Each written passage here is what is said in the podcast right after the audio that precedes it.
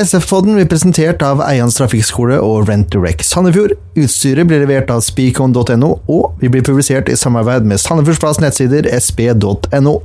SF-podden! Ja da, mine damer og herrer, eh, SF-podden er tilbake med episode 126. Jeg heter Jørn Erne Graner Horntvedt, og Leif Tore Markmann, du er her. Jeg er her. Kent Skalleberg eh, skriver på PC. Ja, Han har noen sånn- må gjøre det òg. EDB-undervisning for seg sjøl. Nei da, han har litt å gjøre, og det er sånn det er. Eh, Derfor passer det greit at vi har fått med oss eh, en SF-legende i ordets rette forstand, vil jeg Ja, si. det, det kan jeg skrive under på. Det kommer jo ikke overraskende på så mange, siden jeg annonserte det her på Facebook, men Tom Helge Jacobsen, velkommen skal du være. Tusen takk. Åssen er det å være her? Nei, det er spennende. Jeg er veldig glad for invitasjonen. Det blir spennende å høre resten av sendinga. Jeg håper du får bidra litt du òg, så ikke du bare sitter og hører på. Jeg skal prøve så godt jeg kan. Vi har det sånn eh, ja, altså, Presentasjon og gjest står jo her, men jeg vet ikke om, eh, om du trenger så mye presentasjon egentlig, Tom Helge. Det må være for veldig unge, ferske SF-supportere i så fall. Det er sant. Eh, Du skulle undersøke en ting, har du undersøkt den? Nei, Nei, men da- jeg fant ikke det ut som jeg trodde. Nei. Nei. Det var ikke så rett som du trodde, nei. Nei. Er det sånn at du fortsatt er mestscoren i SF? Det sies så. Det sies så. Med fattige 59 mål. Fattige? Ja, altså det er, det er en del mål, men det burde jo vært slått for en stund siden, tenker jeg. Ja, du er såpass ydmyk. Ja, jeg syns det. Jeg syns det. Ja, for målpål slo rekorden din for én sesong. Du hadde 17 mål på én sesong. Det er riktig, ja. Ja. Og så kom, eh, så kom eh, gutten fra Re, da. Ja, han gjorde det. Det er synd at det ikke er noen sandefjording som har den, egentlig. Jeg tror ikke Pål hadde trengt mange sesongene til for å ta den andre rekorden. Jeg vet ikke hvor mange han har totalt. Nei, det, Jeg fant ikke noe statistikk på det. Nei. Så det er en oppfordring til, til Sandefjord Fotball. At de må jo legge ut noe, noe adelskalender og litt sånn. da. Definitivt. Absolutt. Det er jo en del av klubbhistorien. Ja, ja. Det skaper engasjement, vet du. Det burde, det, vi, men det burde jo være en smal sak å ordne. Jeg blei glad når de solgte Pål, da. Ja. det var greit på egne vegne. Men du kom altså til Sandefjord, som sa til meg nå, høsten 99. Det er riktig. Altså, så du har vært med på eh, Nå må jeg tenke meg to opprykk. Det er ikke helt riktig. Ikke som spiller. Jeg Ikke rykka opp fra andredivisjon til, Til første? førstedivisjon. Ja. Og så var jeg ikke med på opprykket i 05. Da var jeg spillerutvikler og hadde reservelaget i Sandefjord Fotball. Men da la du opp året før, da? La opp i to, etter 2004-sesongen. Ja, se det. Det var jo et sjakktrekk. Veldig smart. Jeg tenkte på det på vei hit, at det, det skulle jeg aldri gjort. Nei, det skjønner jeg godt. Um, vi har vi, Altså, det holder. Ja, gjør ikke dere det da? bli- Dere skal mer, bli mer kjent med, med Tom Helge nå. Ja. De som eventuelt ikke skulle kjenne fra før. De flesteparten av våre lyttere vil jeg tro kjenner godt til det. Ja, jeg tror det. De, de er vel som meg og har født klubben siden oppstart, så Men eh, Mats Lehmann, 4-4-2. Var ikke du egentlig en, en, mer enn 4-3-3-spiss? Sånn, eh, sånn Ja, Bra spørsmål, egentlig, fordi jeg, tenk, jeg har tenkt mye på det. Jeg har spilt en del 4-4-2 òg, det er nok det som passa meg aller best. som Ja, det er det? Men uh, den perioden jeg var både i Odd og i Sandefjord, så var det 4-3-3 vi spilte mest, og da spilte jeg midtspiss, stort sett. Men Mats og jeg var jo tospann en del, Ja. eh, i 4-4-2 med Trond Skredde, og det fungerte jo strålende. For du er mer eh, ikke, Du er ikke noe bakgrunnsspiss, du er mer sånn kraftplugg, er du ikke det? Jeg er nok en kraftplugg, eh, og det er jeg nok fortsatt, vil noen hevde. Eh, Men det er også, også keen på å gå i bakrom, jeg var det. Så jeg kunne vel faktisk bli brukt til begge deler. Jeg har ikke høyden med meg da, altså helt så i forhold til oppspillet i lufta og sånn, men Du var god med mann i rygg. jeg følte jeg var god til akkurat det. Ja. Det var vanskelig å klå. Ja, det var det. Ja, tror det. Og så hadde du mye mål innafor 16 også. Ja, det var stort sett der de kom, egentlig. Ja, så lot jeg Fredrik Thorsen ta seg av de på utsida av 16. Ja, for det skal Fredrik Thorsen ha. Når han først skåra mål, så var det, det var det fint. Ja, det var vakkert. Det er ingen tvil om. Stort sett så pleide vi å tenke 'ikke skyt', men når han da skøyt, så ble det jo stort sett uh, fantastiske skåringer. Er det eller Fønefoss-kampen du tenker på nå? Ja, det er det, altså. Ja, for jeg jeg rakk nemlig å si 'hva er det du driver Å ja. for det er 40 meter her. Ja da, det er fint det. Men det jeg skulle fram til, er at vi har, vi har ti faste spørsmål til, til hva skal vi si for noe, spillere. Du er jo gammel spiller, så det passer jo helt perfekt. Ja, I motsetning til en del andre gjester, så passer de da. ja. Selv om ikke han er spiller fremdeles, mener jeg. Ja. Ja, eh, Da begynner vi med dette her, vi, Alle spillerne vi har på besøk, må svare på de spørsmålene her. da. Frøy Thorsen har også svart på disse, forresten. Ok, Ja. jeg er klar. Ti faste. Aller først fullt navn og alder. Tom Helge Jacobsen, 47 år. I motsetning til hva vi pleier å si. Ja, nå, nå er vi ikke eldst i studio. Nei. Nå ble vi avbrutt her, for lydkortet slutta å virke, men nå er det tilbake igjen. Ja, Da prøver vi på spørsmål to, da. Nei, men Hva skulle du si? Jo, eh, og det vi ble kanskje klept når jeg sa det. Ja. vi, vi, vi har jo en del av de spillerne som er på besøk her som er de er ikke så gamle, og da føler vi oss brått litt, litt veldig gamle i forhold. Ja, jeg skjønner. Det er jo noen av de som ikke har rekket å bli 20 ennå når jeg er på besøk her, så det ja. Og vi har ikke meritten å leve på heller, så det, Nei. vi sitter bare her, liksom. Eh, nummer to, da. Eh, hva var den første klubben som du spilte organisert fotball for? Det var Stag i Stavern. Det var min første klubb. Starta som seksåring. Det måtte bli det. Jeg vokste opp i Stavern, så da blei det det. Og fatter har en lang karriere i Larvik Turn og Stag, så da var det helt naturlig for meg å ikle den grønne og hvite drakta nede ved, vannkanten der nede. Og like unaturlig å ta på seg en framdrakt, eller? Den har jeg også hatt på meg, så har etter hvert så blei det ikke det. Åssen åssen ble det tatt imot? Nei, det var Jeg både spilt for laget Turn og Fram, så det, det var ganske det var relativt støyete det på den tida. faktisk. ja, det var det. Det er ikke så mange som har gjort det. Nei, det er en tidligere SF-spiller også som har gjort det, og det er eh, Tom Rikard Skuggedal. Ja. Han også spilte jeg sammen med på Lagerturen, og i Fram, og i Sandefjord Fotball. Se det. Midtstopper. Midtstopper. Ja. En bauta. Espen Hoff også var vel eh, innom et par klubber i Larvik før han kom til Ja, han er jo fra Verningen. Ja. Først uh, Sporty, og Og så så Larvik Turn. turen, ja. Og så, Så ble det Odd ganske tidlig. ja. Han var Så det er vel ikke, var vel ikke helt unaturlig før at gode talenter blei sendt litt rundt, Nei, nei, nei. Det var, før man blei plukka opp eh, på proffkontrakt. det var mer sånn den gangen. Nå plukkes de veldig tidlig opp. Ja. Espen har 17 årganger til 18 år. Ja. Kan du huske når du skjønte at du hadde et eh, potensial for å kunne spille fotball på heltid? Oi, eh, potensialet vet jeg ikke, men en drøm det har jeg nok hatt eh, så lenge jeg kan huske, egentlig. I og med at jeg vokste opp i en fotballfamilie, så tenkte jeg at jeg har lyst til å, å leve av fotball. Bli proff, selvfølgelig i utlandet. Det er alle gutters drøm å spille på landslaget. Og eh, Nei, jeg vet ikke. Potensial. Jeg har alltid egentlig jobba hardt og trent mye, bare for å bli, bli så god jeg kan bli. Jeg vet ikke, når jeg så potensial. Men har du vært på noen type var- sånn kretslag eller noe sånt noe Ja, jeg var plukka ut eh, til kretslag fra jeg var 15. Da, så, Ja, så det begynte å skje noe rundt der, liksom? der. Ja. Jeg gjorde det. Så det var vel, la oss si det, 15-16 år. Ja. Så eh, begynte jeg virkelig å trene hardt for det, da. Hva vil det si å trene hardt? Ah, ja, hva vil det si? Jeg var, det var mye trening. Jeg, eh, trente, jeg var litt sånn nerdete egentlig, og trente mer enn alle på laget mitt på Stag, og etter hvert Larvik-turen. Jeg gikk over til Larvik-turen som 15-åring på et veldig bra underlag der, så trente jeg, jeg sto opp om morgenen og trente før ungdomsskolen, blant annet.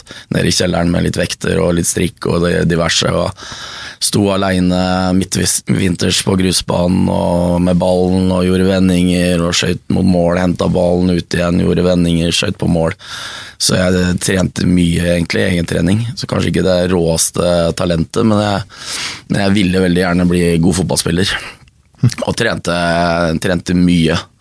Og hadde en ambisjon om å komme ut, så allerede som 17-åring så reiste jeg fra lagturen til FC Tvente i Nederland, og var der et år. Mm, og prøvde å følge i Halvard Thoresens fotspor, Ja. rett og slett. Kult. Kan du nevne én eller kanskje flere personer som du mener nå har vært spesielt viktig for din utvikling som fotballspiller? Oi, jeg har nevnt faren min her, da, som, som liksom et sånt forbilde når jeg var ung. Jeg Har 500 kamper pluss for Stag og litt for lagturen. Så det var liksom et naturlig forbilde. Og så har jeg hatt trenere opp igjennom eh, som har betydd eh, mye, både i Larvik og i, i, eh, i Eik Tønsberg, når jeg spilte der. Med Trond Skrede. Jeg fikk jo han igjen som trener i Sandefjord Fotball. En fantastisk fin mann og en bra trener.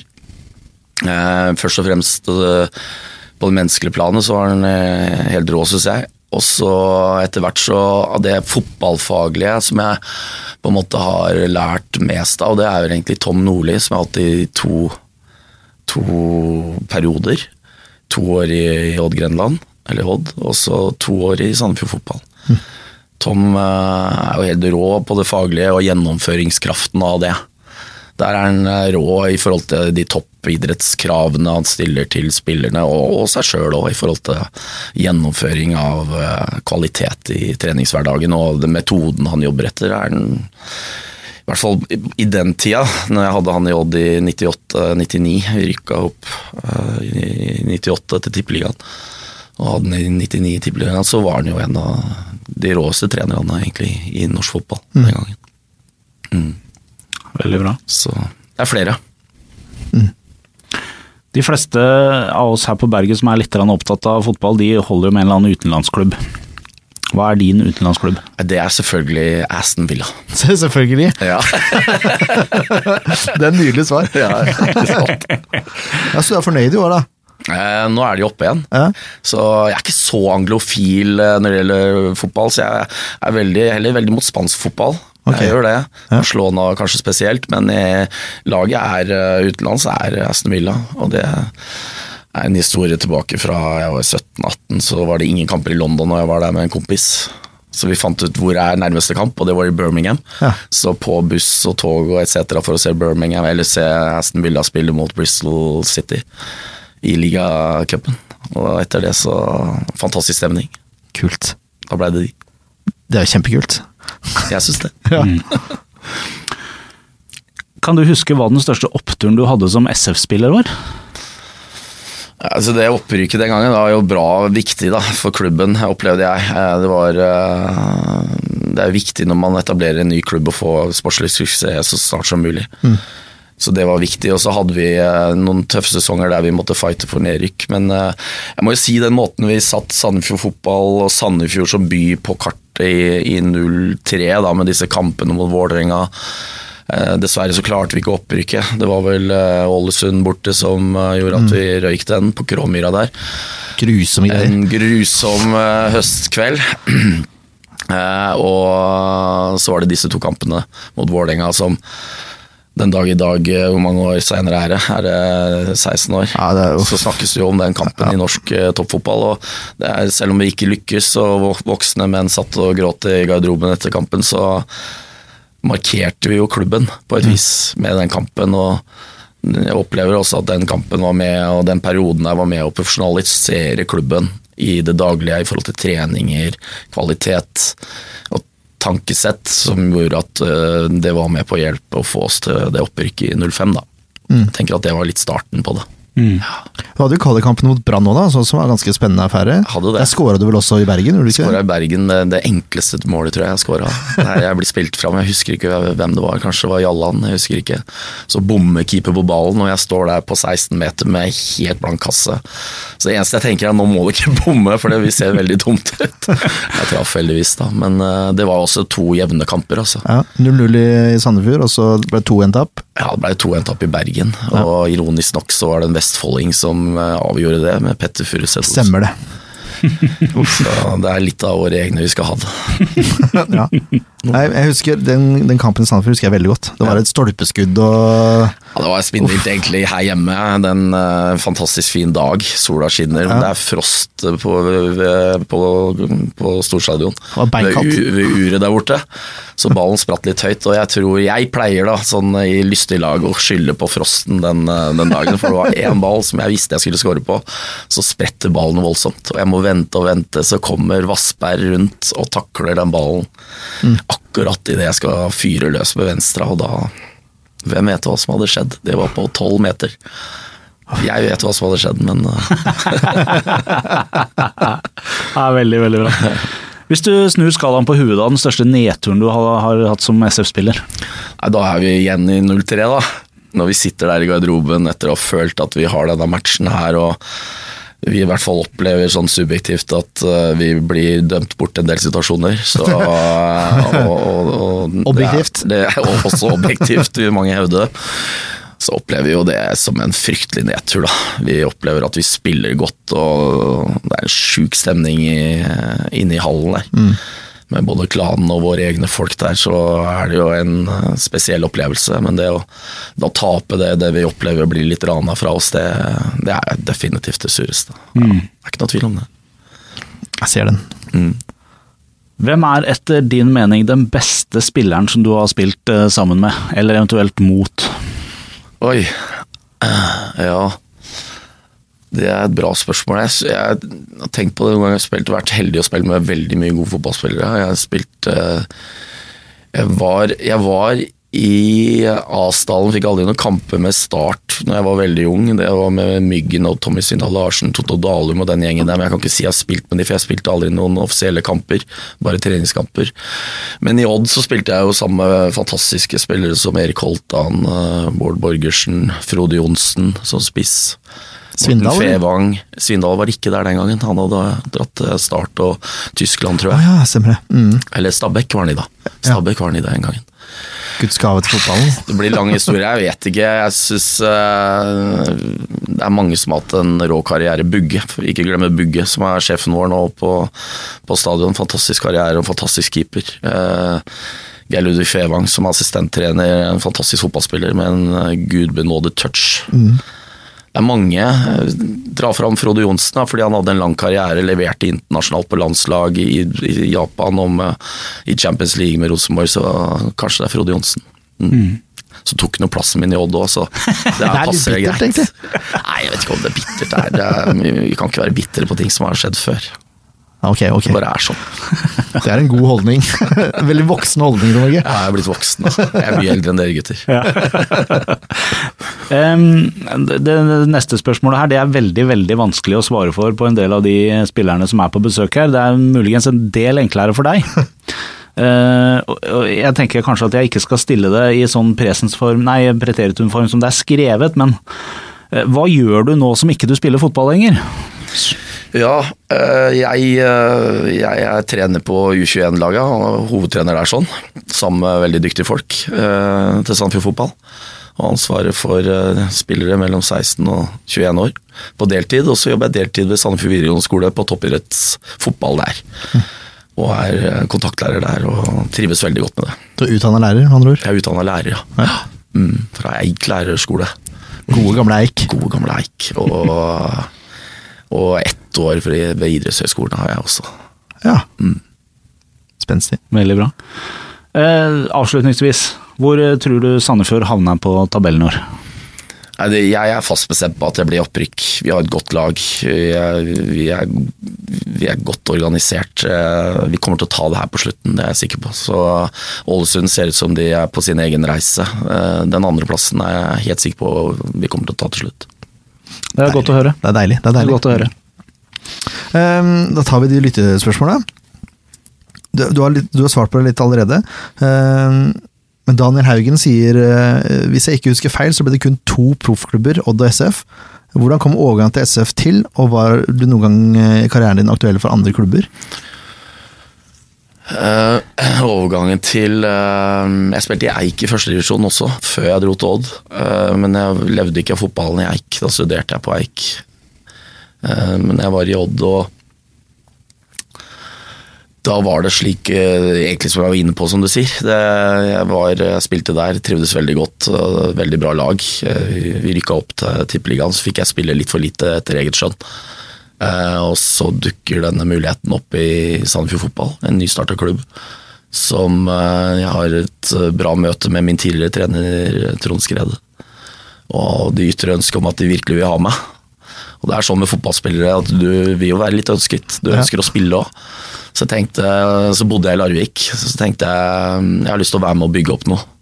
Og så tenkte jeg at det, det er spennende i, i Sandefjord å gjøre det, å være med på det. Og bygge, bygge klubb. Og jeg har lært litt fra jeg begynte i Odd også, for det var også en klubb som var i ferd med å bygge opp, bli bygd opp. Så derfor uh, blei det sånn. Veldig glad for det i dag. Så bra. Men var du, hadde du tilbud fra andre klubber i løpet av den perioden der? I den perioden så hadde jeg vel ikke det. Jeg fikk eh, på slutten, før jeg la opp i Sandefjord Fotball, eh, så hadde jeg tilbud fra utlandet. Fra nivå 3 i England. Ja. Tilbud i 03-04. Så hadde jeg fått denne jobben sånn noen prosent ved Sandefjord videregående skole, og som lærer da å få en stilling med toppidrettsfotball. De vokser ikke Hva heter det for noe? På trær. Nei. Så jeg tenkte at det er nok framtida. Det er mulig jeg har en fot på innsida der. Sier jeg bort den, så tar noen andre den, for det er veldig mange om beinet der. Så jeg valgte å bli hjemme. Samtidig så tenkte jeg at karrieren går litt mot slutten. Jeg må tenke litt på begynne- Fikk barn eh, i 99. eh, og i 02 eh, min neste, så jeg har to gutter. Så da blei det litt sånn. Ja. Fornøyd med det valget også. Det er bra, det er glimrende. uh, Mathias Myrseth sier at du er en flott mann og trener. Uh, og så har han eh, et spørsmål relevant til dagens uh, stall og spillestil. Han lurer på om vi kan spørre deg om, om du ser nytten av å bruke Valles Prat og Tito samtidig. For han ser ikke nytten, de utfører akkurat samme rolle, sier han. Oi! Aha. Et veldig bra spørsmål. Eh, fra mm, Mat Mathias. Mathias. Eh, det, er, det er jo en sjef, trenersjef oppå komplett som, eh, som hele tida tar ut laget. og eh, Sett fra, fra utsida så er det veldig lett ofte å tenke at jeg ville gjort sånn, jeg ville gjort sånn. Og i løpet av en uke i løpet av eh, analyse av motstander, hvordan man angriper en kamp, så, så blir det gjort eh, valg. Jeg ser poenget, at begge to er veldig sittende defensive midtbanespillere som er veldig trygge med ball, eh, mens også velger ofte trygge løsninger hjemover og sideveis. Eh, Så jeg ser poenget, at det kanskje kan bli en litt annen dynamikk med en si Tito eller Valles som holder igjen, og en annen litt mer dynamisk eh, boks-til-boks-spiller ved siden av, da, i tillegg til tieren. Så bra spørsmål. Eh, interessant problemstilling. Eh, og jeg tenker at den kan vi diskutere lenge. ja, Det skal sies at når vi tar ut laget, så tar vi sjelden ut Valles og Tito samtidig. Ja. sjeldent. Ja. Vi er også enige i en litt mer sånn dynamisk eh, femmer, da, om vi kan kalle det det. Ja. Ja. ja. Eh. Det er fint, det. Det er fint. Det var politisk korrekt svart også. Lot det henge litt, liksom. Um, jeg har litt, litt også lyst til å prate litt, for det går en diskusjon nå hvor, hvor blir det av tilskuerne til Sandefjord. Og du var jo med på å bygge opp. Kan, du- kan du huske åssen var, det- var det noen forskjell på stemninga i byen, eller øh, hva, var- hva var liksom den store forskjellen på før og nå? Det er også et godt spørsmål. Jeg, det er litt sånn, Den gangen så var det jo på en måte litt sånn nyhetens verdi. og så Man kom opp, man, eh, man var i ferd med å bygge opp noe, og man blei litt bedre for hver sesong. Da er det jo også sånn at eh, folk syns det er spennende. Kanskje det er når nå opprykket kommer. og Til slutt så kom det jo i 05 også, så det var en eneste stor sånn oppgang. Og det å å komme opp dit, og så rykker man ned et hakk, så, så mister man kanskje litt sånn nyhetens verdi etter hvert, kanskje. Så jeg har gjort det flere ganger, så vil jeg tenke at kanskje muligens man blir litt blasert som tilskuer, jeg vet ikke. Jeg tror stemninga er bra i byen her, men jeg tror det er sånn at uh, man forventer at man er helt på topp, og at man bare gjør reint bord, og så rykker man rett opp igjen. Kanskje det er forventningene, men det er ikke så lett, altså. Obos-ligaen uh, er tett og tøff, og det er en annen spillestil blant lagene enn det det er i tippeligaen. Uh, Når Marti og, og teamet hans kom, så så gjorde man jo ekstremt gode prestasjoner mot veldig gode, gode, lag, annet Rosenborg borte. Både, I hvert fall sånn eh, opplevelse av banespillet var, var veldig, veldig bra. Eh, og, og da tenker man fort at eh, da er Obos-ligaen enkelt, dette tar vi lett. Det er ikke sånn, altså. Fungerer ikke sånn. Det er ikke sånn, det er ikke bare, for det bare å snu om på det at det er enklere motstand i Obos-ligaen, for kampbildet blir annerledes. Der legger motstanderen seg litt lavere. Og mm, det er ikke lett å spille ut lav motstand eh, som ligger lavt og kompakt. Alltid. Det er ikke det. Så Eliteserien passer egentlig bedre da for SF i forhold til spillestil, fordi lag sannsynligvis presser høyere? Eh, Jeg vil tro kanskje noen ganger så vil du gjøre det. Eh, Og så må man kanskje tenke litt annerledes når man spiller i Obos-ligaen. Kanskje være enda litt råere de gangene man har en kontringspotensial. Og være enda råere og ta det litt oftere, kanskje, muligens, eh, hvis jeg får lov til å synse litt. Grann. Det syns jeg du Så, skal. så, så, så, så bør man kanskje gjøre det. Og jeg ser vel også en tendens i spillet, det så vi vel sist også, syns jeg. En tendens i spillet der vi er litt råere på akkurat det, og er kanskje litt mer direkte i, i spillet til tider. I noen faser av spillet. Men tilbake til det med stemninga i byen. Jeg tror det, det er noe med å ha vært oppe i tippeligaen, så går man ned, og så, vi, og så, er, så, så er ikke resultatene helt i forventning, selv om vi ligger da nesten på direkte opprykksplass eh, gjennom hele sesongen nå. Så forventer kanskje folk at vi skal bare gå rett igjennom og rett opp.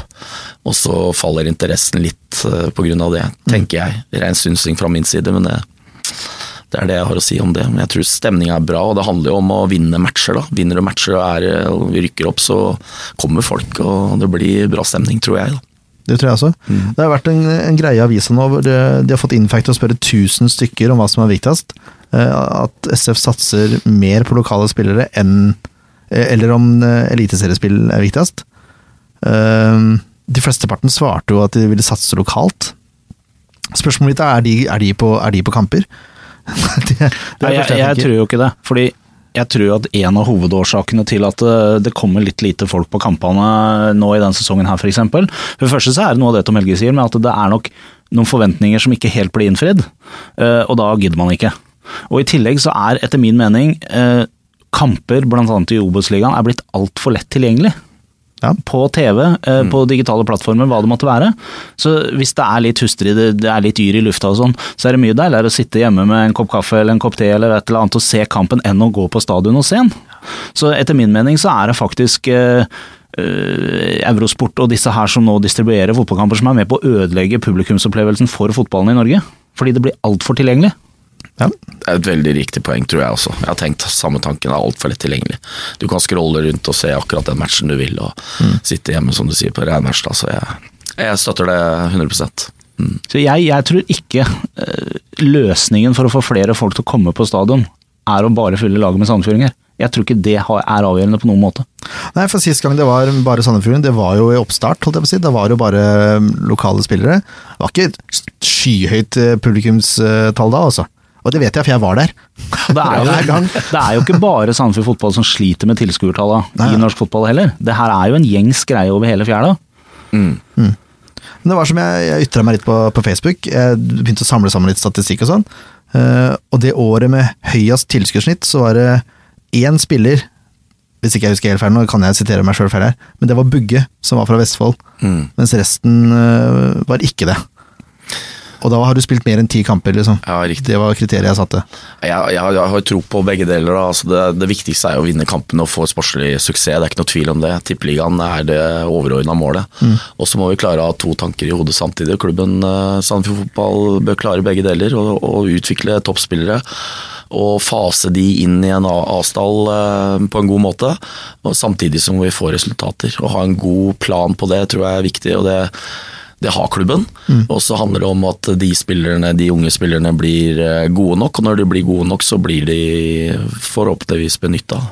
Så um, det er nok en eh, kombinasjon der, tenker jeg da. Av både Det er jo spennende, da. Uh, ja, resultatet er det viktigste, og tippeligaen er viktigst. Å prestere godt der og bli kanskje en topp ti-klubb, som vi har som målsetting. Eh, men det er jo litt kult da, å ha gutten på hjørnet der, uh, som har vokst opp i, i Gøyf og trent hver eneste dag. Du har sett den, flere kjenner den. Er han har gått på Sandefjord videregående skole på toppidrettslinja der. Han har gått gjennom alle trinna i Sandefjord fotball fra landslagsskolen og opp igjennom, og så debuterer han, og så er han en, en stor impact på laget. Det er klart, det er jo fantastisk. Det er det, men det er liksom en, det er litt drømmescenario, da. Ja da, det er ikke det er det. så mange eksempler av det. Nei, det er ikke det.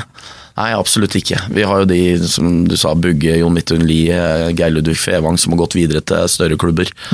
Og så har vi vel eh, Jallan og Jallan, eh, Mats Håkenstad som nå er i Lillestrømmen, gikk via fram. Så det er ikke så veldig mange. Det er sikkert noen jeg glemmer nå når jeg sitter her. Jeg husker ikke alle, men Ja, noen er det. Vadim, Vadim var jo der, da. Vadim eh, var der, han var der når jeg spilte der. Jeg var jo treneren hans på SVGS også når han gikk der, så det blir en annen historie, tror jeg.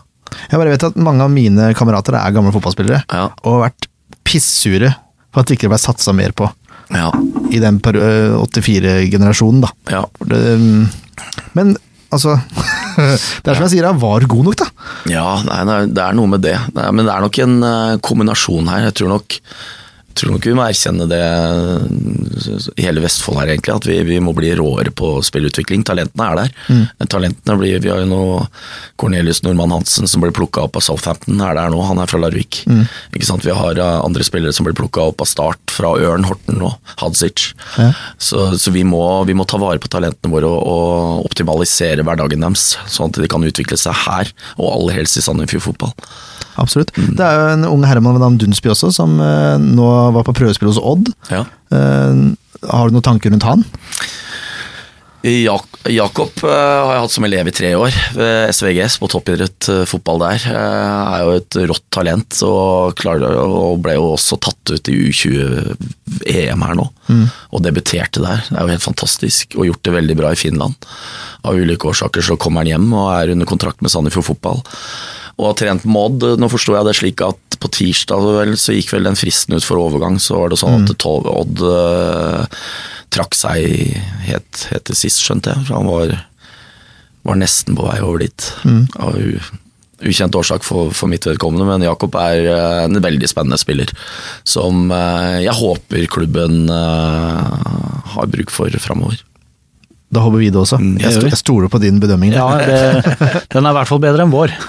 ja, det vil jeg tro. Jeg har bare sett den i noen fåtall andregangskamper, så jeg, jeg føler ikke jeg har pondus nok til å uttale meg, for å være ærlig.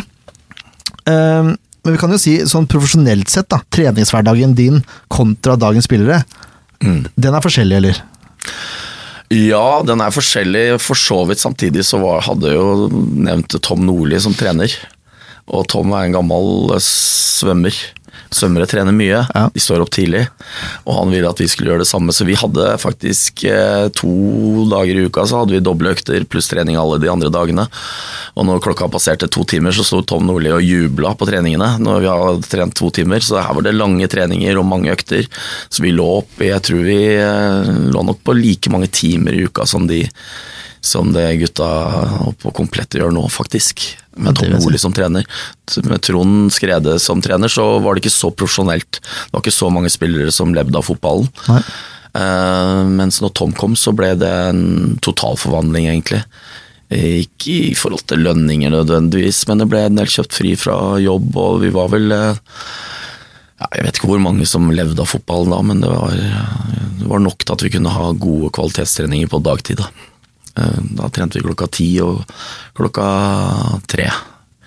Ja, Så Det vi trente ganske mye. ja det vil jeg si. Ja. Men rammene rundt, da? Ja, Rammene rundt var sånn at da trente vi jo på faktisk jeg husker vi trente på grusbanen oppe ved ballklubben der, bak, eh, Ja, bak eh, skolen? bak eh, storstadion oppe, oppe, Ja. oppe der. Eh, Inntil vi fikk den eh, fantastiske kunstgressbanen på gamle stadion. Var det i 03, ja? Jeg husker ikke. Ja, det var kanskje noe sånt. 02, 03, Ja. 02. Uh, Så da trente vi der.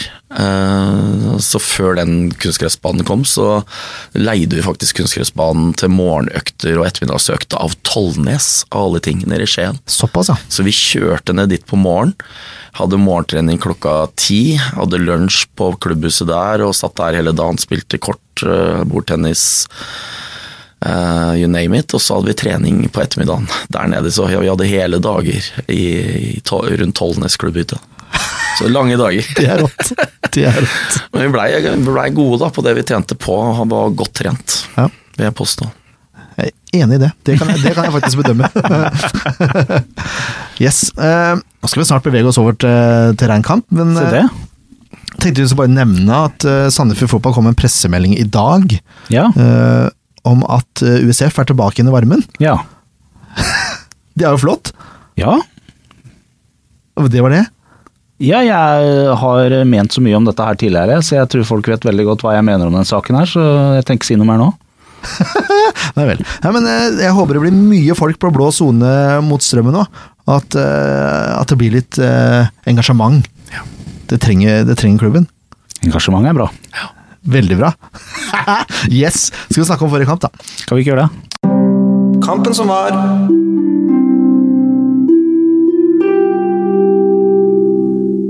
Eh, Det var mot eh, Sandnes Ulf. Ja. Det var jo en, eh, en gammel kjenning der. Ikke bare du på tribunen, Tom Helge, men uh, ute på banen så var det jo Reima, da. Tok seg en liten tur tilbake over, holdt jeg på å si, over fjellet. Det er jo kanskje litt dramatisk å kalle det for det, men hvis du i direkte linje, så må du jo over noe Kjører jo kystlinja, vel. Ja, det var derfor jeg sa det var litt voldsomt å si det, men i direkte linje så er det litt over fjellet lell. Ja da.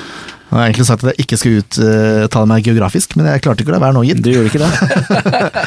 Eh, tipset mitt gikk inn, da. Det ble 3-1. Det blei 3-1. Det er ikke verst. Nei. Hobby til meg. Ja. Den har du spist allerede, tenker jeg. Ja, Jeg har ikke kjøpt den engang, så det Men kan- kanskje etterpå. Eh, det, det, det tristeste med kampen var at Reima ikke skåre når de først skulle få det tilbake. et sted. Ja. For han var jo oppe og surra der, som han Han sa. var det, han var oppe og surra der. Eh, Men det er jo en kamp hvor Sandefjord har ganske god kontroll fra start eh, til slutt der. Ja, det, I motsetning til noen kamper som har vært spilt i det siste, det har jo vært noen bra kamper i det Ja, ja. siste òg, men, men i motsetning til noen av de som vi ikke har vært så fornøyd med, så går de ut med litt heva hode og, ganske høy selvtillit. Og jeg føler at de på en måte setter litt standarden allerede i de første minuttene og bestemmer litt hvordan det her skal være. Det hangla vel litt grann de første 20 eller noe sånt, og da var det ikke noe sånn superfantastisk match. Nei. men så festa jeg Sandefjord grepet skikkelig. Eh, og fra ja, 2025 og ut, så er det jo egentlig Det handler om Sandefjord. Det er enig. Det var et skudd ut til Roof etter 20 sekunder, og så var det et stille et langt kvarter der. Ja, det var det. Åssen eh, tror du det har vært for deg å spille spiss på det laget her, Tom Helge? Ja, det hadde vært en fryd, det med så masse gode spillere. Så hadde det vært eh, Det hadde vært veldig gøy. Jeg har tenkt tanken, faktisk. Jeg tror det hadde passa meg veldig bra. Men det er jo en veldig god spiss der, så det spørs om jeg hadde fått plass. Altså. Jeg må si eh, Pontus eh, imponerer meg stort. Han gjør det. Både i spillet, i bevegelsene sine. Råskapen i bevegelsene er veldig tydelig. Han er lett å finne, og så er han på plass i boks og skårer mye i boks også. Det gjorde han jo nå. Ja, det gjorde han. Mm. 2-0.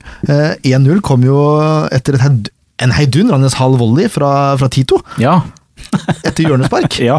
Det, den, var, eh, den var det kraftig, Tom Helge. Du var fornøyd med det treffet Ja, der? veldig fornøyd. Han, han har vist bra tilslag. Og så alt, han gjør alt riktig sånn rent teknisk også, synes jeg det. Uten at jeg skal gå i dybden her nå, tror jeg. Men uh, veldig bra. Fantastisk skudd, egentlig. Ja. Gøy for han. Det halvt liggende vriskede der. Ja, det er nice. Ja, Det er pent, rett og slett. rett og slett. Rett og slett pent. Eh, fantastisk kamp han nå, men det kommer vi tilbake igjen senere. Mm. Eh, det andre målet er jo helt nydelig. Det er Krall som kombinerer fint med Rufo på, på venstresida. Uh, så kommer han ned til dørlinja, legger 45 ut, og som du sier, der er Pontus. Mm. Det er, er det blant de deiligste skåringene som spiser? Bare sette den i åpen kasse? Ja, det vil jeg tro det er. Jeg skåra jo bare pene mål, så jeg, jeg, jeg, I all beskjedenhet. Det hadde vært utrolig deilig å kunne skåre sånne mål. Fantastisk angrep. Eh, Fra fleip til eh, skåringen igjen. Fantastisk angrep. Fine kombinasjoner, og det har vi sett tidligere i år også, på venstresida. Fine kombinasjoner. Og jeg spiller rett og slett uh, motstanderen ut fullstendig, syns jeg. akkurat der. Det er det trekantspillet som, eh, som de er veldig opptatt av, disse spanjolene våre. Ja, og, og i en sånn kamp som det her, så er det jo utrolig gøy å se Sandefjord fotball, for ting fungerer. Det er eh, lite mispasninger, det er lite balltap, man beholder ballen, man, man spiller pent, man spiller vegg, man får til disse nydelige kombinasjonene hvor det er bare nesten sånn der treklikk, og så sitter den også. Det er, det er veldig, veldig gøy når de får til det her som Vi vet de kan det, vi har jo sett det, vi så det jo nå i sist kamp. De kan det. Så det er utrolig gøy. Det som har frustrert eh, oss litt før i sesongen, da, tidligere i sesongen, for å prate litt mer grammatisk korrekt, eh, det er jo mangel av balltempo og angrepsvilje, som du nevnte det på i stad også. Det kommer liksom aldri før man ligger under. Nei, nei, ikke sant. Det er, det, det er vel en utfordring med den spillestilen. Jeg, det, det er en spillestil etter mitt hjerte, da. Eh, det må jeg si. Eh, den katalanske spillestilen, den Barcelona-stilen, Guardiola, Johan Cruyff, Mm. Uh, Uh, arva der. Det er en spillestil som jeg er veldig glad i. Uh, men den krever jo utrolig mye av spillerne. Eh, oppmerksomhet, eh, forståelse, kvalitet, presisjon i alt man gjør. Og det er jo fort gjort når kanskje bevegelsene faller litt, at det blir, ser litt sakte ut, og det går litt sakte. Og hvis det da begynner å gå sakte og man ikke, ikke kommer inn på sporet igjen, så er det relativt, ikke enkelt, men det er lettere for motstanderne å, å demme opp for, for det spillet. da. Ja, og da ser det ut som ballen går tregere også. Da ser det ut som det går tregere, for det blir eh, lite gjennom linjene, som vi sier, da, i lengderetning mellom ledda deres. Så, men eh, det er en krevende mentalt eh, stil å spille òg, for du skal være så god ikke sant? med ball og i bevegelse. Krever mye.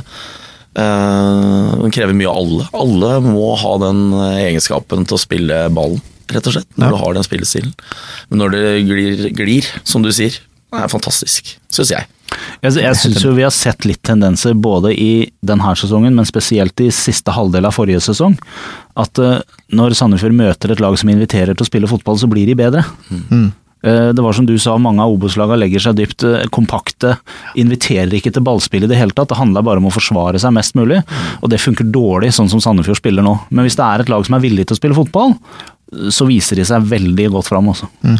til, eh, du fikk meg til å reflektere litt nå. Tegnet på god lærer.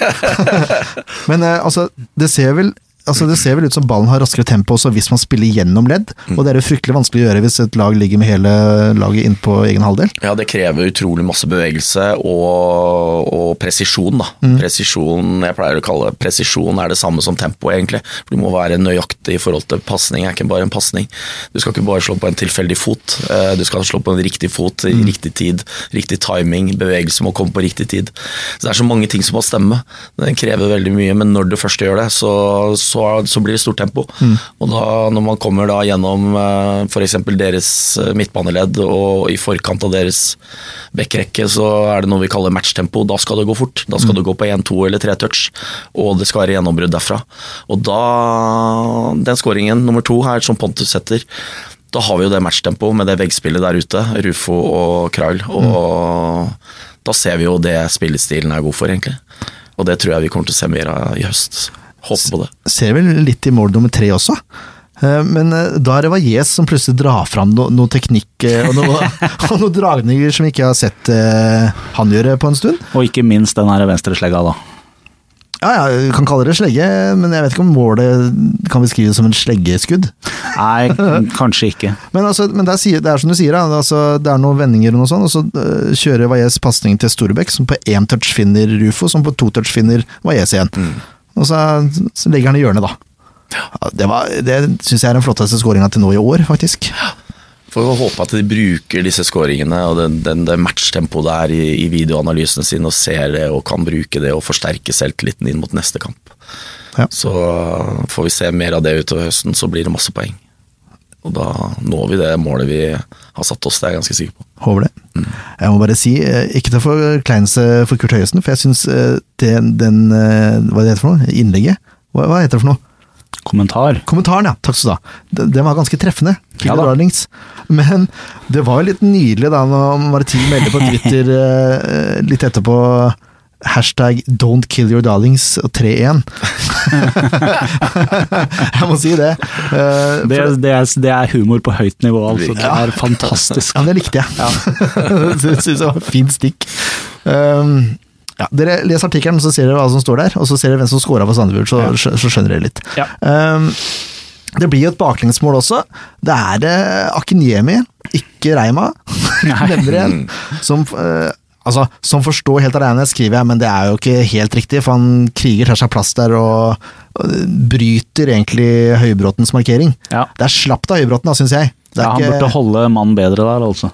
Ja, for det, Vet ikke om han er 100 skyld i målet sånn sett, men, Nei, han men han, kan, han kan holde markeringa si litt tettere, syns jeg. Jeg syns det blir litt for lett. Ja. For han, han slipper liksom med en gang. Ja. Han får heade ballen ganske fritt på, på mål. Mm. Så treffer du mål der, så er det jo scoring på to, på to meter. På den avstanden her, så er det det. Men allikevel, da. Det ble jo, ble jo 3-1. er Godkjent. Ja, i høyeste grad. Det kommer fram av spillebørsen også, som vi skal Ja. over til nå.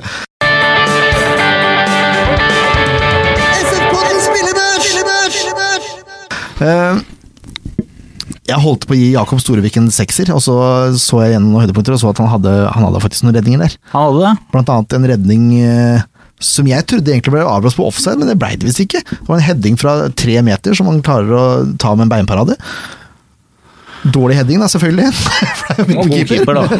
men han står der, Ja. så jeg har lyst til å gi en sjuer, jeg. Ja, det syns jeg er helt greit. Jeg syns han leverer i kamp etter kamp nå. Han er eh, solid. Veldig solid. Absolutt. Eh, Du har ikke så lyst til å kommentere dette her, eh, Tor Jo, jeg kan godt være med på det. Jeg, jeg har ikke notert så mye tall på de etter kampen sist, så Men eh, Jakob er jo, står jo helt strålende. Helt enig i kamp etter kamp, syns jeg. Og spesielt distribusjonen hans er imponerende. Og det er spillestilen igjen, tilbake til den. Da. Den krever en spiller som er, er god med føttene, og det, det er jo hans strålende. Ja. Eh, børsen er fra 1 til 10, det har du sikkert skjønt, eh, men vi kjører eh, CM-børs, som betyr at man starter på 6. Ah, ok. Ja. CM er 001, som var mitt foretrukne spill, er for øvrig fryktelig irriterende, for du blir alltid kjøpt opp av Odd igjen. Oh, ja.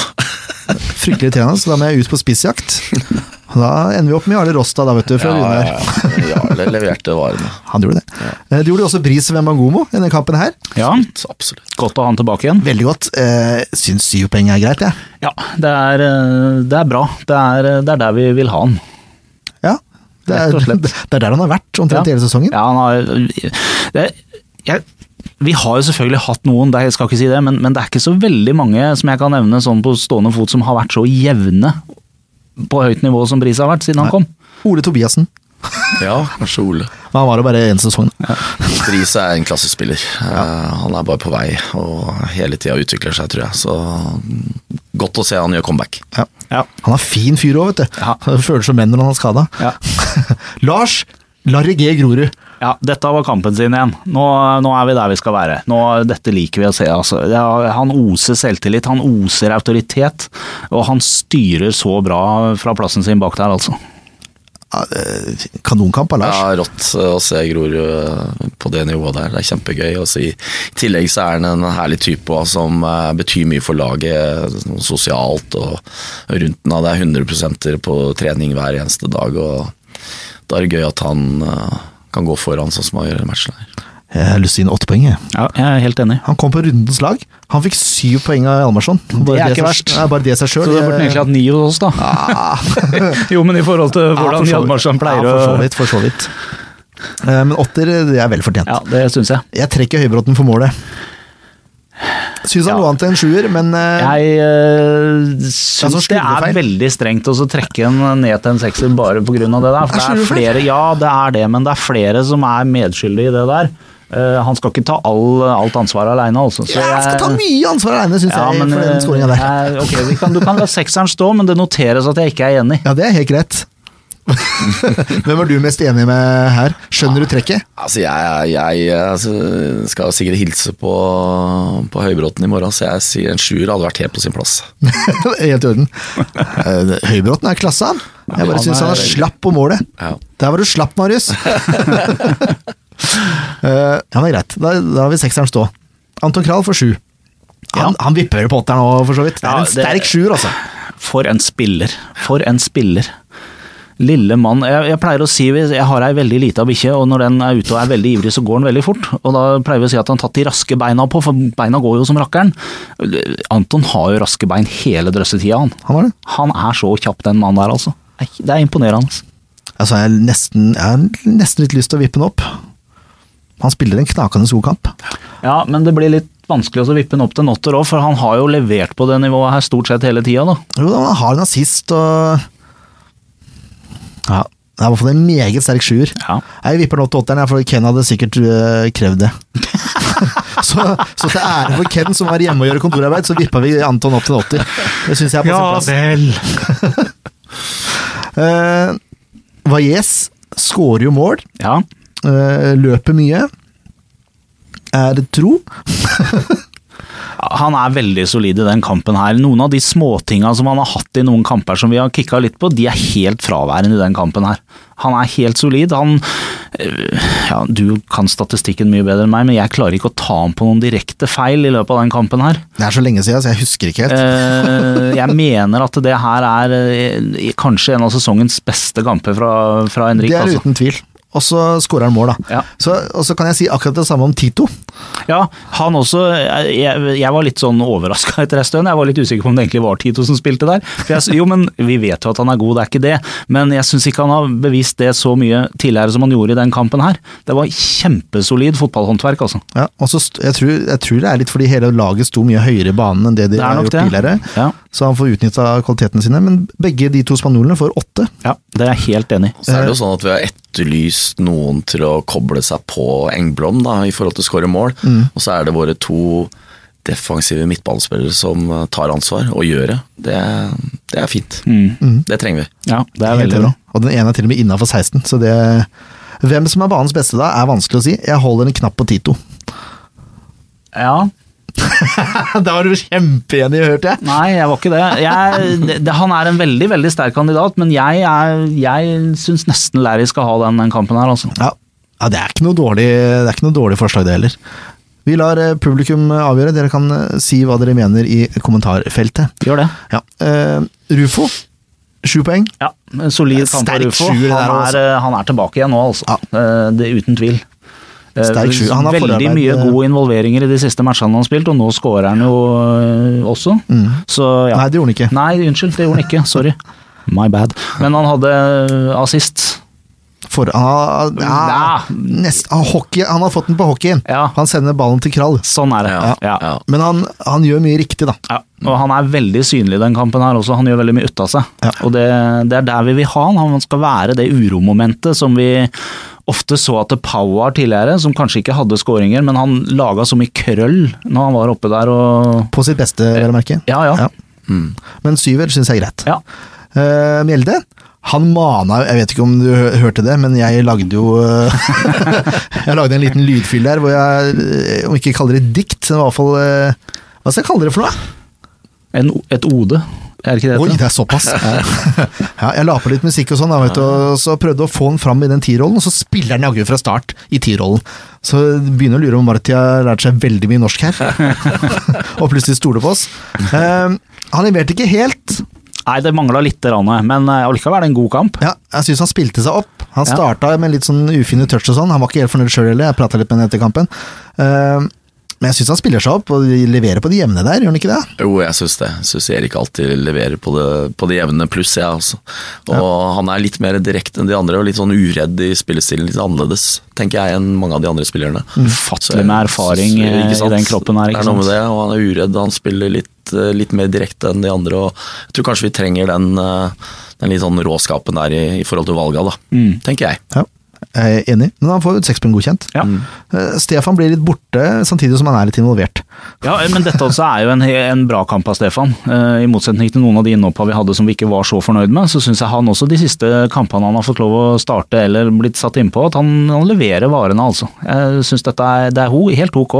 Helt okay. Du har gitt den sekser, så det er jo godkjent i vår bok. Ja. Pontus får også syv. Ja. Sterk sådan. ja. Ja, Det var det. Dette var det. Nå skal jeg bare gå på rette på noe, siden jeg skal lage sånn grafikk etterpå. Grafikk. Eh, vi ble enige om, vi skulle ha ja, det er ikke så mye endringer der. Det er, eh, det er, kra, er det Krall som var opp til åtteren. Sånn var det. Ja. Sånn. Ja.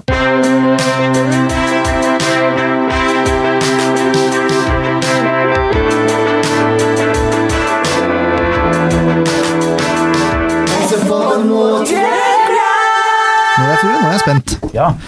Vi har en ny, ny, nyvinning av året, holdt jeg på å si, hvor vi utfordrer gjestene. Vi, vi leder ganske kraftig. Ja. Er det 6-2? Det er såpass mye. Det er 5 eller 6-2. Ja.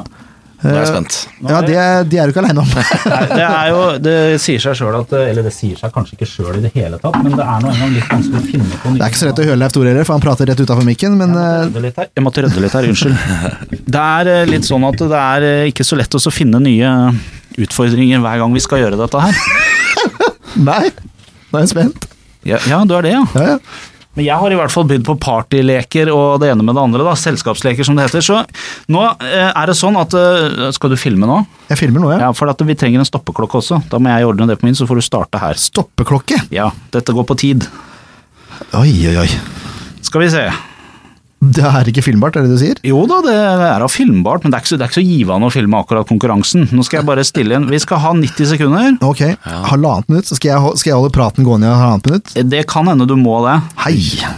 Da kan jeg si at uh, Leif Tore har glemt å ta med, med utstyret vi har fått sponsa av Dreamport. Ja, det har jeg glemt å ta med da. Beklager det. Dreamport. Hva heter den? Det heter en gimbal. Takk skal du ha. Gimbal. Eh, så kameraføringen er kanskje litt mindre stødig enn det den skal være, men eh, vi Det går, anbefaler, nok, går seg nok til. dette er spons. Ja. Vi anbefaler alle å ta en tur på Dreamport på en regnværsdag f.eks. Det er finfin underholdning for hele familien, og vi takker meget for gimbalen de sponset. ja. Spons ferdig. Eh, konkurransen går da altså ut på i løpet av 90 sekunder så skal vi liste opp så mange hovedsteder som vi klarer, primært i Europa. Hvis du går tom, hvis du går tom for hovedsteder i Europa og fremdeles har tid igjen, så bare fortsetter vi utafor Europa. Riktig. Den som har flest etter 90 sekunder, vinner. Har vi likt, så må vi gjøre et eller annet morsomt med noe annet uh, greie. Den er god. Så du får bare si start, og så skal vi skrive så blekket spruter. Skal vi sjekke at pennen funker? Det gjør den også. Yes. Er det nødvendig med hovedstader i Europa? Er det, er det helt nødvendig? Eller, er Nei, det nei, ikke nei, ok, hovedsteder da. Det spiller egentlig ikke noen rolle, det er om å gjøre flest likevel, så ta gjerne hovedsteder generelt. Hovedsteder- Da kan dere hjemme være med på dette, dere også. Ja. Jeg starter klokka om tre, to, én, kjør. Da skal jeg også, Dette er jo kjempemessig, Leif Tore, at du har valgt en, eh, en greie hvor jeg må holde praten gående i halvannet minutt. Ja, men jeg, det, jeg kan snakke litt underveis, men Ja, da, det. det. som problemet er at jeg er gutt, vet du, så det er ikke så lett å både skrive og, eh, og prate om noe som ikke har noe med det jeg skriver å gjøre i det hele tatt. Eh, det det syns jeg ikke er så lett. Nei, det skjønner jeg. Eh, og vi har passert eh, faktisk eh, 30 sekunder i dette øyeblikk. Det skriver jo som bare det her. Her har kanskje Tom Helge en fordel, da, som er lærer og kanskje er vant til å, til å føre blekk på papir oh, i større Jeg skulle ønske jeg hadde det, altså. Jeg hadde en fordel der. Nå må jeg slutte å prate, nå må jeg konsentrere Ja, meg. sorry. Det er Det er mest sikkert at, det er ikke sikkert at geografi er uh, faget som er uh, tingen her for uh, Tom Helge. Det må vi jo ta med, da. Jeg skal kommentere det etterpå, faktisk. Ja, det er greit. ja. Hvis dere vil, så kan dere Oi, oi, oi, nå går tida fort her. Nå er det 30 sekunder igjen. Oi, oi, oi. Da holdt det med Europa, da, for så vidt. Jeg, bare, jeg jeg er ikke kommet meg ut av. Europa ennå, jeg skjønner du. Å, det er såpass. Um, Drillo er jo en mann som man kan tenke på i, i slike sammenhenger. og Radioresepsjonen, som jeg hører litt på, hadde jo en diskusjon eh, hvor de mente at det var ingen som visste hva flatinnholdet av India var. men det visste han, eller? Ikke engang Drillo. Og Jesper Mathisen tok jo opp dette her, det er ti sekunder igjen. Eh, og spurte Drillo på direkten, og han kunne selvfølgelig det. Situasjonen 55 000 kvadratkilometer eller noe sånt, 55 millioner, jeg husker ikke. 2, 1, og der skal pennene ned! Jeg er helt ute å kjøre her nå. Ja, er du det? Ja, dette er krise. Det blir jo spennende å se, da. Ja, dette er krise. Ja, ja. Dere kan jo, dere kan jo telle opp. Ja, telle opp. Ja, skal jeg telle sjøl? Ja, jeg du det. først, da. Ok, Hvor mange jeg har, mener du? Nei da. Ja. 4, 5, 6, 7, 8, 9, 10, 11, 12, 13, 14, 15, 16, 17, 18, 19, 20 21 har jeg. Ja, ja, det er jo utklassing. Ja, er det det? Altså, Jeg ble tatt, ja, ja, fullstendig. Ja, Hvor mange har du da, Tom Helge? Tolv har jeg. Det er jo nitrist. Få se på den lappen din, Leif Tore. Skal vi Ja. se om det er noe vi kan rette på her. Nei, det er Det kan godt hende det er det. Eller det kan jo hende at det er. Men jeg, Jeg skjønner ikke hva som står her engang. Skal jeg lese for deg? Hva står øverst der? Der står det Reykjavik. Reykjavik, Ja, jeg har den, jeg Oro. Oslo. Stockholm. Messias, København, London, Paris, Dublin, Edinburgh, Tallinn, Warszawa, Belsom, Paris, Det står ikke det, vet du. Ma- Det står Berlin. Lisboa, Roma, Wien, Bern, Amsterdam, Washington DC plutselig her! Ja, det, jeg begynte å gå tom for europeiske, skjønner du. Jeg jeg også måtte- tok meg den. Og det var mye før du gjorde det. Og så tror jeg det skal stå Canberra der. Ja. Ja, den har jeg også. Det sprøtt, eller? Nei, Men, eh, for meg, nei, det, her var, eh, det her var litt trist, faktisk. Jeg Jeg har en samboer som er veldig gira på quiz. Er på quizlaget i Larvik, som har vunnet Larvik-mesterskapet i quiz flere ganger. Ja. Det er hun som skulle vært her nå. Ja. Hun er egentlig fra. Sandefjord, så Ja. Det hadde passa bra. Men eh, gratulerer, Leif Tore. Eh, Er vi oppe i 7-2 nå, da? jeg tror det er Nå skal jeg Grattis. dobbelt- dobbeltsjekke. Takk og takk. Nydelig handsjekk. Uh, jeg skal dobbeltsjekke det. Det er, det er 6 eller 7-2 nå, Ja, så det lover godt. Da er det min tur neste uke. det er det. Jeg ser det ligger en ball her, så det vi må, vi må velge gjest med omhu. Ja, Poenget er at jeg kan ikke ta noe sånt, for jeg har aldri spilt fotball sjøl. Så jeg er så elendig på sånne der, eh, Ja, men jeg må si du var god på det her, altså. Jeg må jo velge noe jeg har litt kontroll på. Da. Det er jo Ja, det er det vi har funnet ut i ettertid, at det er kanskje litt urettferdig at vi velger øvelse hver gang. Jeg satt og tenkte på det mens jeg skrev, så Eh, nå skal det sies at når Leif Tore er kvitt senebetennelse i beinet, Ja. som jeg aldri har hørt om før forresten, eh, så skal vi utfordre Larry G i noen fotballøvelser også, så det blir meget spennende. Yes. Eh, det er fint, det. Ja, Fint, ikke Leif? Tore. Ja. Vi skal prate om neste kamp. Kampen som kommer! Det er Sogndal borte. Saftkokeraden. Saftkokeraden, ja. Eh, Det var et forsmedelig tap eh, hjemmekampen der. hvor Ja. Sandefjord tapte 3-0. Ja. Eh, Sigurd Haugen skåra to. Han er solgt han er solgt. til Belgia, Mm. så det er en spiller mindre å tenke på. De har også lånt ut en spiller til Mjøndalen og solgt et par unggutter til start. Var Jeg det tror i hvert fall én eller to til start, tror jeg. Ja. Mener jeg. Mm. Um, så det er klart, det er litt annerledes lag enn det Sandefjord møtte sist. Uh, De ligger nå på sjetteplass, uh, 33 poeng på 21 kamper. Det er vel omtrent i det sjiktet de hører hjemme, fra sjetteplass og opp? Vil du Ja. ikke si det? Ja, jeg vil tenke det. Ja. Um, de var inne i en svært dårlig steam før møtet med Sandefjord Juni, og så snudde det selvfølgelig Ja, ikke der. sant, selvfølgelig. Akkurat den kampen. De siste fem har de tre seire. De var 3-1 borte mot Notodden, 1-0 borte mot eh, Tromsdalen og 2-0 hjemme mot Kiel, altså Kongsvinger. To tap. ÅFK hjemme 2-3 og Start borte 0-1. De har de siste kampene nå lagt om eh, til 3-4-3 eller 5-4-1. Spilte jo, altså han spilte drøss med formasjoner før Sandefjord-kampen. Det var 4-5-1, 4-4-2, 4-4-1. Altså det var bare kaos. Ja. Til og med han vi prata med fra Saftkograden visste ikke hva, hva si. Han var litt usikker, han òg, ja. 4-3-3 tror jeg det var innom også. Ja. Men nå, de siste kampene så har det vært 3-4-3 eller 5-4-1. Eh, Jeg har satt opp et lagforslag i 3-4-3. Dyngeland i mål. Eh, Jeg så for øvrig på lagoppstillinga fra start og begynte å skrive. Jeg Skrev Doimeland, det var ganske likt. Fant fort ut at det var feil. Dyngeland er riktig. Eh, Fredriksen, Ogbu og Lering tror jeg spiller Forsvaret. Og så er det Totland, Mannsverk, Schulze og Soltvedt på midten. Og så er det Jensen og Kristoffer Hoven. De er ganske safe, men i midten så kan det enten være Bror Hoven, Adams eller Ulrik Flo.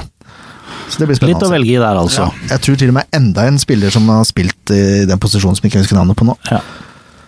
Yes. Ja. Men eh, det, var, det var Sogndal. Hva tenker vi om kampen, Leif Tore?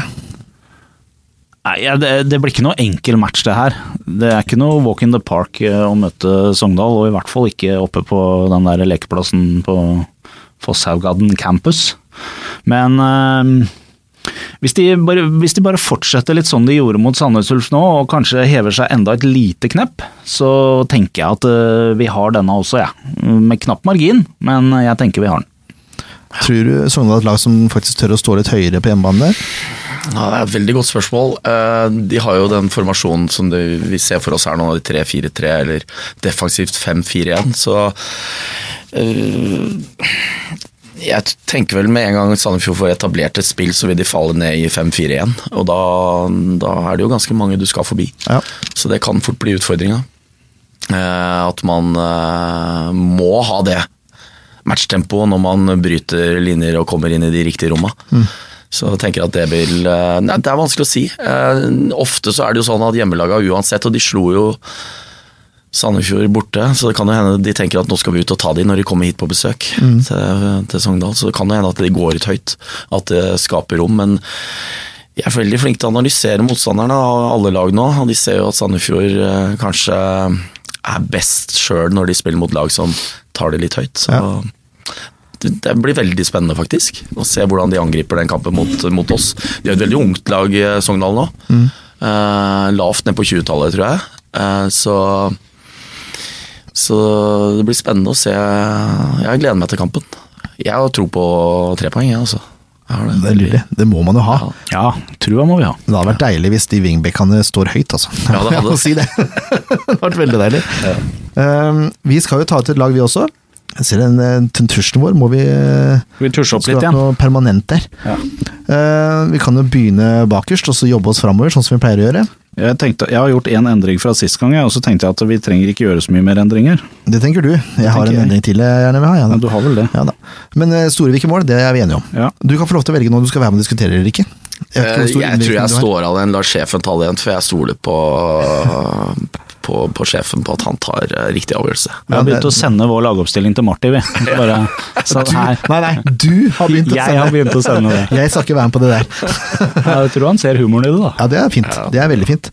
Um, dette er laget vi vil skal spille, da. Ikke det vi tror, Ja, altså det er sagt. Ja, det, må, det er greia. Men backfireren er jo for så vidt grei, den også. De fem bak er greie. Ja, jeg tror det. Krall, eh, Høybråten, Grorud og, og Wembangomo, den er, Den er safe. den er safe. I hvert fall i vår verden. Jeg vil si nå, etter forrige kamp, at jeg vil ha inn Tito fra start sammen med Henrik. For de to spilte til åttere begge to. Det er det vanskelig å benke noen, syns jeg, altså. Er du ikke enig i det? Da gjør vi sånn. Oi, hei sann. Uten diskusjoner. Dette er veldig unormalt for meg og Leif Tore. vi pleier å være uenige om det meste, egentlig. Nei, det var å dra det litt Ja, langt. kanskje. Ja, ja. Men vi, vi legger dem litt sånn, for vi ønsker at Tito skal være litt dypere enn Henrik. Selvfølgelig. selvfølgelig. Eh, og så er jeg fornøyd med Rufo og Mjelde. Men jeg har lyst til å ha inn på Mohammed Ofkir igjen, jeg. Ja, vil du det? Ja, jeg vil det. Jeg er ikke helt enig i det, men eh, Du er ikke det? Nei. Ja, det, det er helt greit. Hva, men hva tenker du, hva er fordelen og ulempene her? Eh, Jeg tenker at Stefan blir bytta ut en eller annen gang rundt omkring, kanskje rett etter hvilen eller et eller annet sånt noe, og da kommer Ofker inn og spiller den siste biten. Ja, jeg tenker at de bekkene får mer å slite med hvis Ofkir starter, for han er en kraftplugg. Og da er det mer plass til en rask Madenovic, som ikke trenger å være så duellsterk da på slutten. Ok, så du vil bytte om i min tankegang, altså? Rett og slett. Se, han gir etter òg, vet du. Dette Ja, er det helt er, utrolig. det er ikke noe rart det, for det er gode argumenter. Ja, ja, ja. I all verden! Dette er, eh, har vi blitt gode venner nå? Skjønn forening. Ja, ja, ja. Eh, Vi skal jo selvfølgelig legge ut lagoppstillinga etterpå. Ja. Jeg holdt på å hoppe over spissplassen, for den er jo klar. Tom Helge, Tom Helge har lagt opp, og da er det én spiss som, som skal spille. Det er Pontus Engblom. Ja. Det er veldig greit. Uh, Vi legger ut laget etterpå, så kan jo dere diskutere den hvis dere vil. Jeg håper dere gjør det. Det er artig de gangene det har vært litt uh, skal vi si, litt kritikk av våre avgjørelser og litt sånn. Det er moro. Det er veldig gøy. Vi trenger det. Eh, Men eh, ja, skal vi gå gjennom laget? Vi gidder ikke det, dere hørte det nå. Dere, Og dere husker såpass, og så legger vi det ut etterpå. Det gjør vi. Nydelig. Eh, Det gikk kjapt, egentlig. Det gikk overraskende kjapt. Ja, Det er ikke noe rart i det, så bra som de spiller. Det er ikke noe vits i å gjøre noen store endringer. Han Nei. kan vi f.eks. ta vekk nå, forresten. Never change a winning team, er det Ja, det kan jo være en eh, grei filosofi, det. altså. Det kan det. Eh, Gikk jo veldig bra sist, tenker jeg i hvert fall. Jeg tenker også det at stammen er grei. Um, ja. Det som vel er litt vanskelig for dette, den trener, eh, skal vi kalle det for trioen eller kvartetten, eller hva vi skal si, det er jo at det er så sinnssykt mye gode spillere å velge i. Ja. At det er ikke bare sånn at ja, vi har de elleve her, og så har vi et par som skal sitte på benken. Det er masse alternativer her som kan løse en sånn situasjon som å møte Sogndal borte. Det støtter jeg. Virkelig. Det er mange gode fotballspillere i, i salen vår. det var en grei, grei måte å avslutte på. Ja.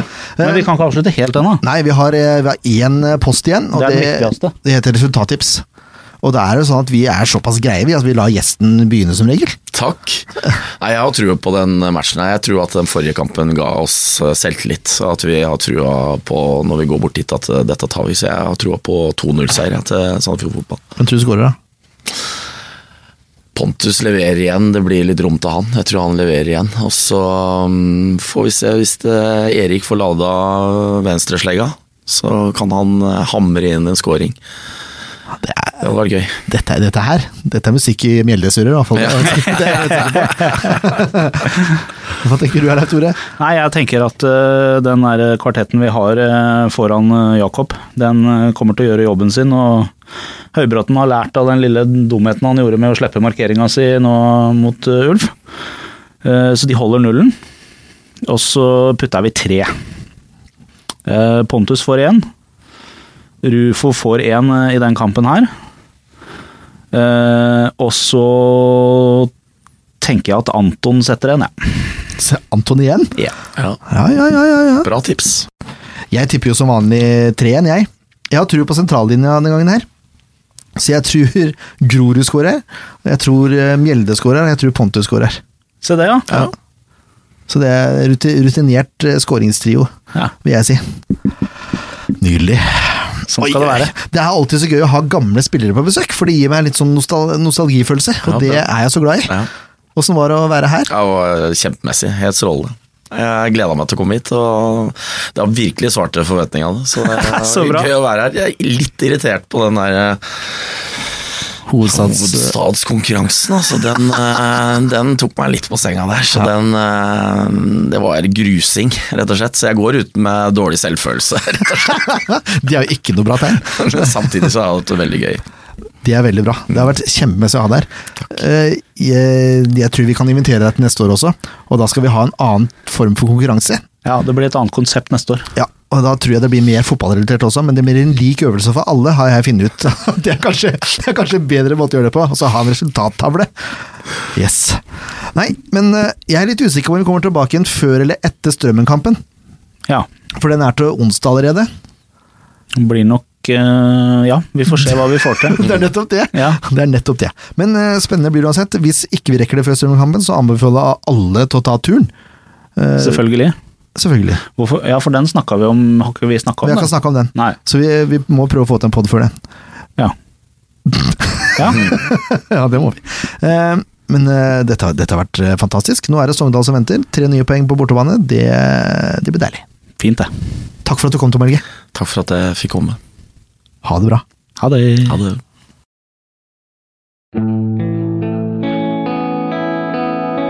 En podkast av Blanke ark medieproduksjoner.